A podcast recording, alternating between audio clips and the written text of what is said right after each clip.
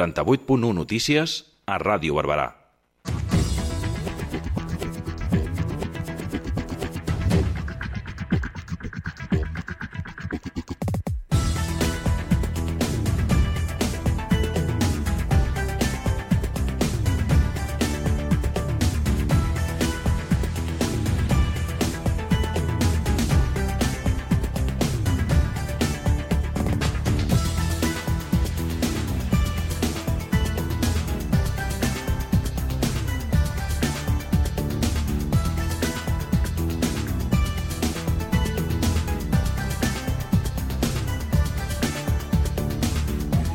El punt òmnia de la Fundació Barberà Promoció ofereix dos nous tallers durant aquest mes de maig. La formació està indicada per persones en edat laboral que volen iniciar-se en el món de les noves tecnologies.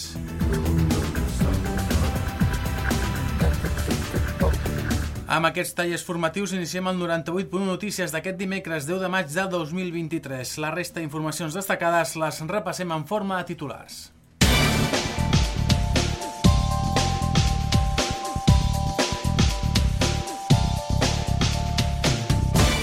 L'Espai Jove a la Roma acull aquesta tarda una xerrada en el marc de l'exposició Controles. La mostra està adreçada a adolescents, joves i famílies sobre els riscos de les drogues i com prevenir-ne l'ús, el consum. Fins al 30 de maig se celebra a Reu la Setmana Internacional del Compost. La deixalleria municipal de Barberà del Vallès ofereix compost de manera gratuïta a qui ho sol·liciti gràcies a la col·laboració ciutadana en la separació de la matèria orgànica.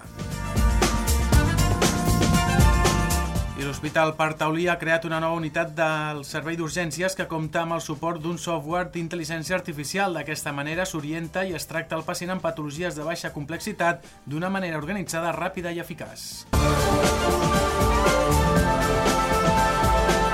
Ràdio Barberà. Serveis informatius. L'Ajuntament de Barberà del Vallès, a través de la Fundació Barberà Promoció, torna a programar una renovada oferta de monogràfics i tallers formatius al Punt Òmnia, un espai adreçat a fer comunitat i a la digitalització de les persones on podran aprendre a desenvolupar-se personalment i laboralment mitjançant les tecnologies de la informació i la comunicació, les TIC. La formació programada està indicada per persones en edat laboral, tant en situació d'atur com en actiu, que volen iniciar-se en el món de les noves tecnologies o busquen una actualització i ampliació dels seus coneixements a aplicacions ofimàtiques i web 2.0. En aquesta nova etapa, l'Ajuntament vol incidir en les entitats associatives de la ciutat i copsar les seves necessitats perquè adrecin les seves persones usuàries per ajudar-les a incrementar les seves competències digitals. Respecte als tallers de capacitació digital, trobareu l'oferta actualitzada mensualment al web barbarapromoció.cat i des d'allà també us podreu inscriure. Els propers tallers de capacitació digital que s'ofereixen al mes de maig són processador de textos de Google els propers dies 17 i 19 de maig amb 6 hores de taller, fulls de càlcul de Google els dies 24 i 26 de maig, també amb 6 hores, i tràmits quotidians a internet. Eh, el, en primera part, el certificat electrònic, eh, taller que eh, se celebrarà el 30 de maig durant 3 hores. A més, altres serveis que s'ofereixen des del Punt Òmnia són l'aula mentor, formació en modalitats en línia a través d'una plataforma d'aprenentatge que proporciona una via de formació oberta no reglada amb atenció tutorial, proves de l'ACTIC, que és la certificació que acredita la competència digital en l'ASTIC, l'ús i un ús lliure de l'espai, un espai de connexió a internet i les eines TIC destinat a totes les persones que necessitin utilitzar de forma autònoma i responsable els recursos per millorar les seves competències TIC, cercar informació a internet, autoaprenentatge, realitzar gestions en línia, recerca d'ocupació, compartir eh, contingut a la xarxa, entre d'altres eh, funcions. Si necessiteu formació, per tant, per, tant per iniciar-vos en el món digital com per millorar les eh, vostres competències TIC, us heu de posar en contacte amb el punt Òmnia de la Fundació Barberà Promoció trucant als telèfons 93 719 28 37 o 662 31 16 14 o bé enviar un correu electrònic a l'adreça barpro arroba xarxaomnia.gencat.cat.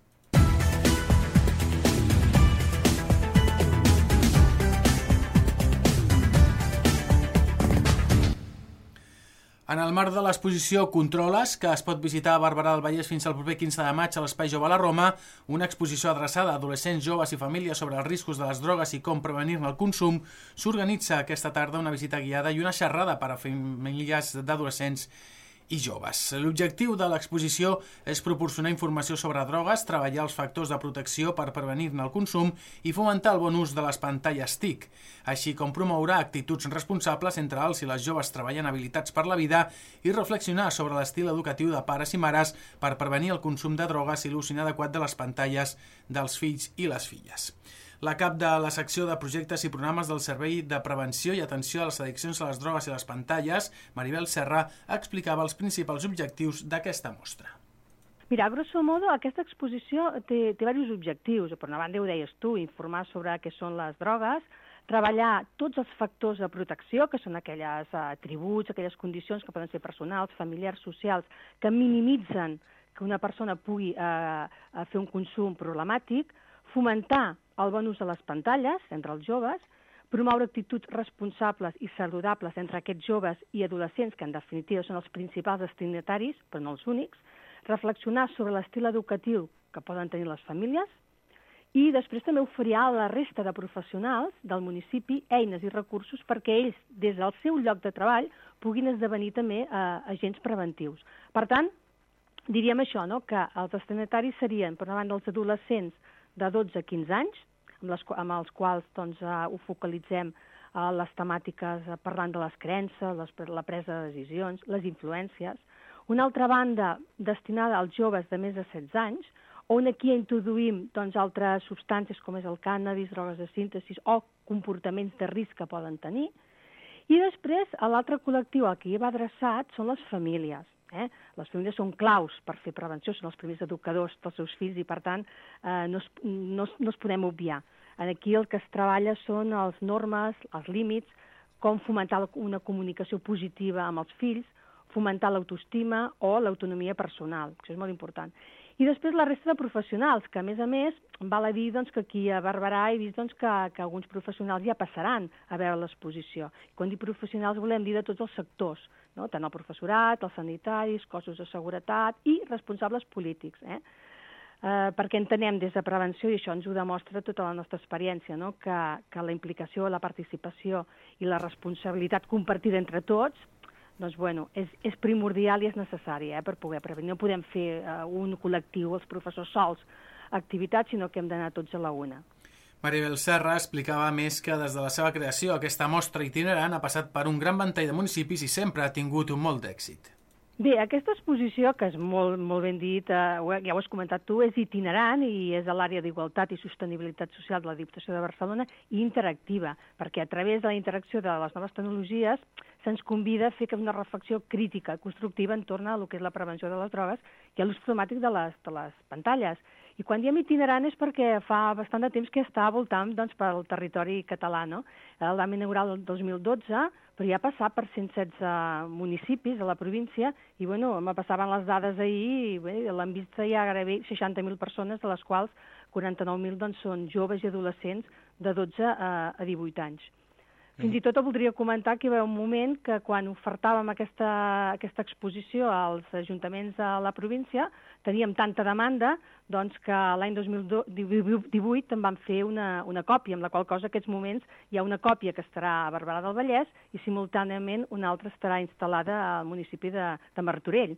Eh, ho dic perquè va tenir, té encara molt de ressò i molta acceptació. L'exposició es podrà veure fins al proper 15 de maig a l'Espai Jove a la Roma, però avui, dimecres, dia 2 de maig, de 6 a 8 de la tarda, es farà una xerrada relacionada amb aquesta mostra de controles al mateix Espai Jove la Roma. Per assistir cal fer inscripció prèvia a través del correu electrònic joventut arroba bdb-cat indicant la xerrada i el nombre d'assistents.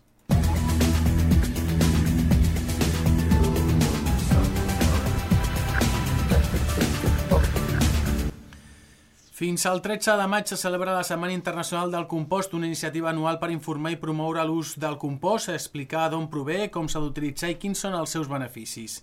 El compost és el producte resultant de la descomposició aeròbia de la matèria orgànica mitjançant el procés de compostatge que reutilitzant en el sector agrícola és una eina per la millora de la fertilitat dels sols i dels cultius. A la deixeria municipal de Bàrbara del Vallès es tanca el cercle dels residus orgànics de la ciutat fent donacions gratuïtes de compost a qui ho sol·liciti gràcies a la col·laboració ciutadana de la separació de la matèria orgànica i el seu posterior compostatge. Com s'aconsegueix? La ciutadania eh, separa, que separa correctament la matèria orgànica des de casa seva genera una fracció de residus 100% aprofitables i, per tant, col·labora amb l'aportació necessària per generar compost a les plantes de tractament de la fracció orgànica. El nostre municipi porta aquesta fracció a la planta de compostatge de Sant Cugat del Vallès i del compost generat per aquesta planta en deriven una part a l'Ajuntament per repartir-lo entre les persones interessades que s'apropin a la deixalleria municipal de Barberà del Vallès. El servei de recollida de la fracció orgànica recull el residu orgànic que ha estat separat correctament als diferents domicilis i comerços i posteriorment el tracten d'una manera natural a dins dels compostadors que transformen la fracció orgànica en compost. L'adob obtingut pot alimentar els horts, parcs i jardins particulars. D'aquesta manera es tanca el cercle de residus orgànics i s'aconsegueixen uns sols més sants, fèrtils i saludables, ja que es minimitza la necessitat d'adobs químics i pesticides. Aquesta petita acció de separar els nostres residus vegetals i les restes de menjar permet que es puguin introduir aquests residus a la terra i la nodreixi en forma de compost, afavorint així la reducció de la contaminació atmosfèrica i minimitzant al mateix temps el seu impacte als nostres sols. D'aquesta manera evitem que una part dels residus, els que no se separen correctament de la resta, acabin directament als abocadors o a plantes incineradores. Per tant, entre tots col·laborem a mitigar els efectes del canvi climàtic.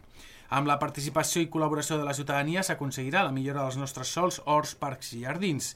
Recordeu portar els vostres recipients de compost buits, buits per omplir-los a la deixeria municipal i sol·licitar el servei prèviament trucant al 93 718 54 64.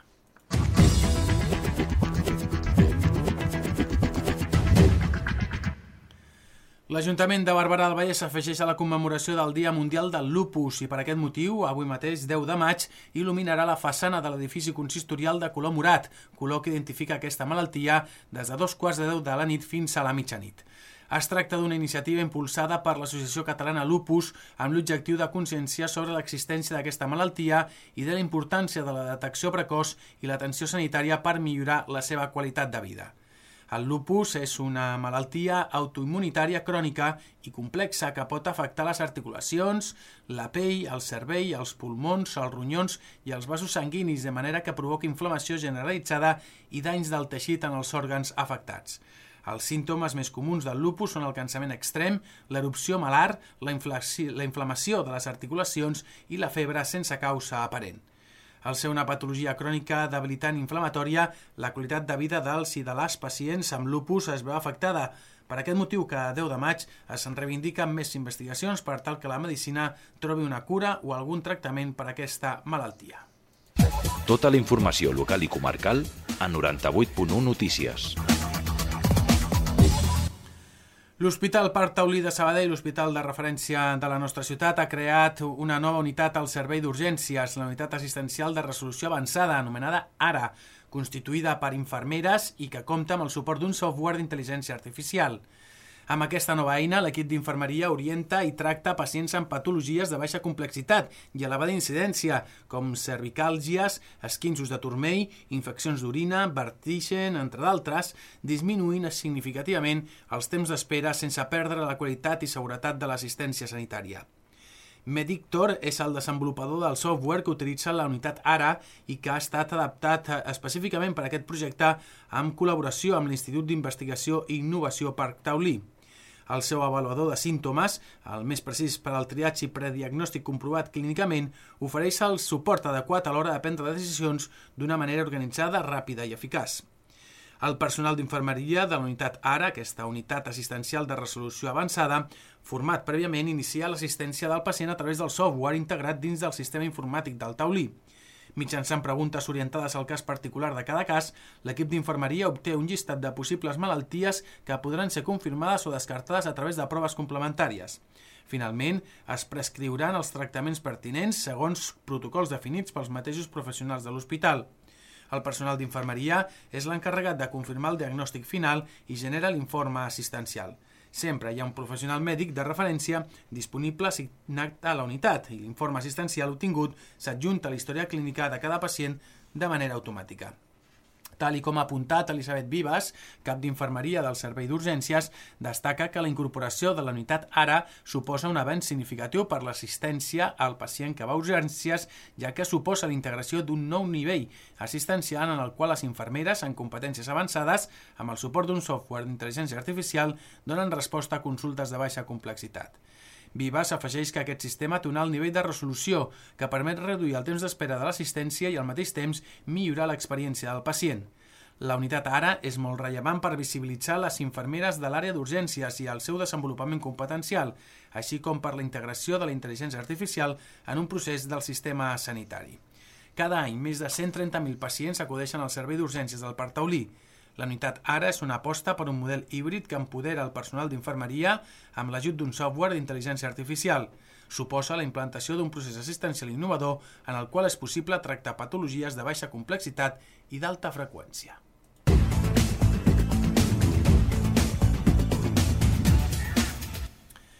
I el Consell Comarcal del Vallès Occidental està portant a terme el projecte Presència Femenina a la Indústria Agroalimentària, un programa d'ocupació que posa el focus en la millora i adaptació de les competències professionals de dones en situació de reincorporació al mercat de treball en l'àmbit de la indústria agroalimentària. Aquest dimarts s'ha realitzat al Consell Comarcal una sessió informativa per a dones de la comarca i des del Consell es fa una crida per tal que més dones es puguin afegir a aquest projecte.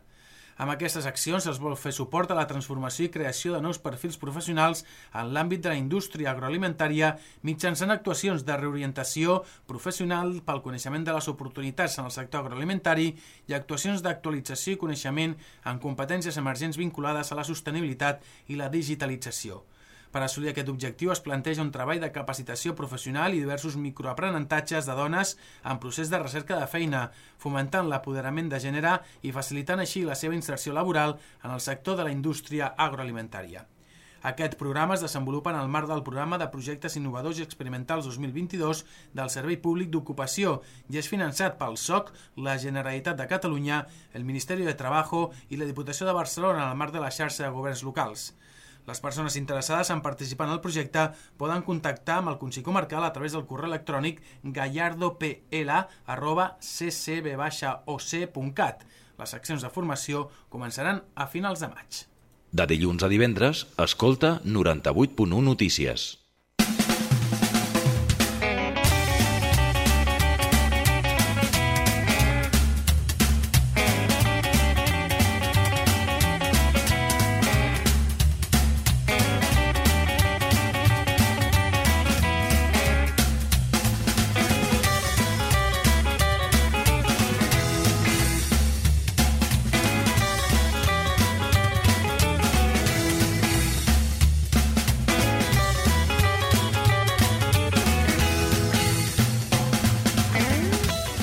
Com a proposta cultural per al dia d'avui ens quedem aquí a Barberà perquè se'n realitza una passejada, una excursió per els carrers de la nostra ciutat per descobrir i identificar la flora de Barberà. La passejada anirà a càrrec de Geoblau, un grup que treballa per la millora del medi ambient contribuint a la formació de la ciutadania sobre qüestions socioambientals. El seu objectiu principal és apropar l'entorn natural a la ciutadania a partir de l'educació ambiental. Aquesta excursió per conèixer i descobrir i identificar la flora de Barberà començarà a les 5 de la tarda i la sortida es farà des de l'espai Gran Centre.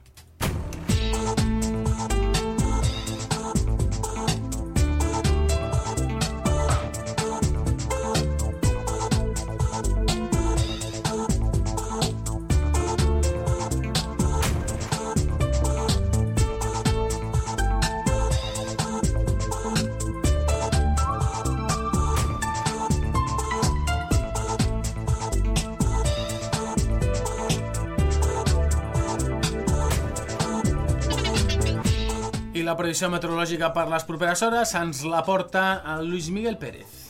Bon dia. Ha baixat una mica la temperatura i els núvols són escassos a moltes comarques. Sí que en queden alguns, bàsicament cap al sud de Girona, també al voltant del Montseny, el Montnegre, gran part del Maresme en general i també cap al Lluçanès, Osona i les muntanyes del Solsonès. Hem de destacar que al llarg d'aquesta tarda aniran creixent més els núvols i acabaran deixant alguns ruixats a cavall de la Garrotxa, del Ripollès, Osona, el Lluçanès, també cap a la Selva, o al voltant del Montseny. Continuarà bufant la tramuntana al nord de la Costa Brava i també el Mestral al sud del Cap de Salou, amb una tarda que serà càlida però ja una mica menys que ahir. Pel que fa aquesta nit i matinada tindrem tempestes i alguns ruixats intensos entre la costa i per al litoral de Barcelona i Girona i ja demà a la tarda noves tempestes que afectaran a gran part del Prepirineu, comarques de Girona i Barcelona, per tant el temps encara regirat, no pas a Lleida i Tarragona. Ho anirem seguint a la xarxa. Je souviens.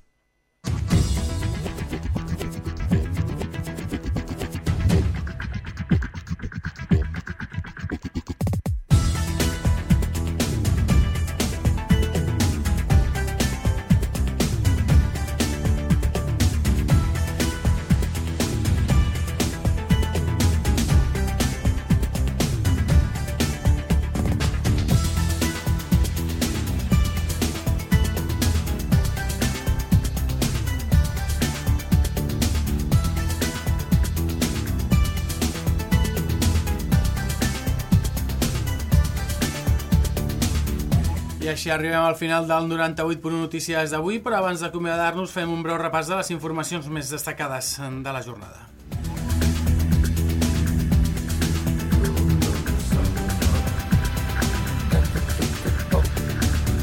El punt òmnia de la Fundació Barbara Promoció ofereix dos nous tallers durant aquest mes de maig. La formació està indicada per persones en edat laboral que volen iniciar-se en el món de les noves tecnologies.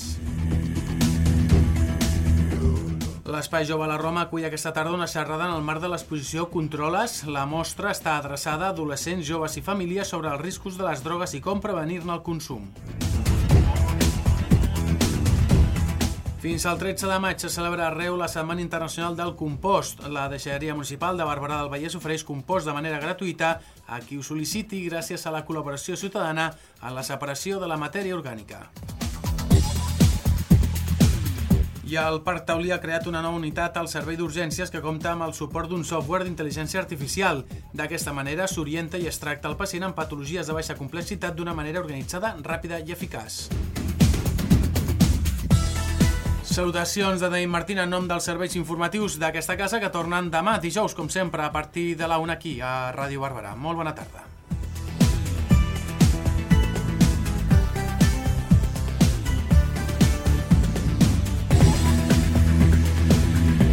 Noranta-vuit punt u Notícies. L'informatiu a Ràdio Barberà.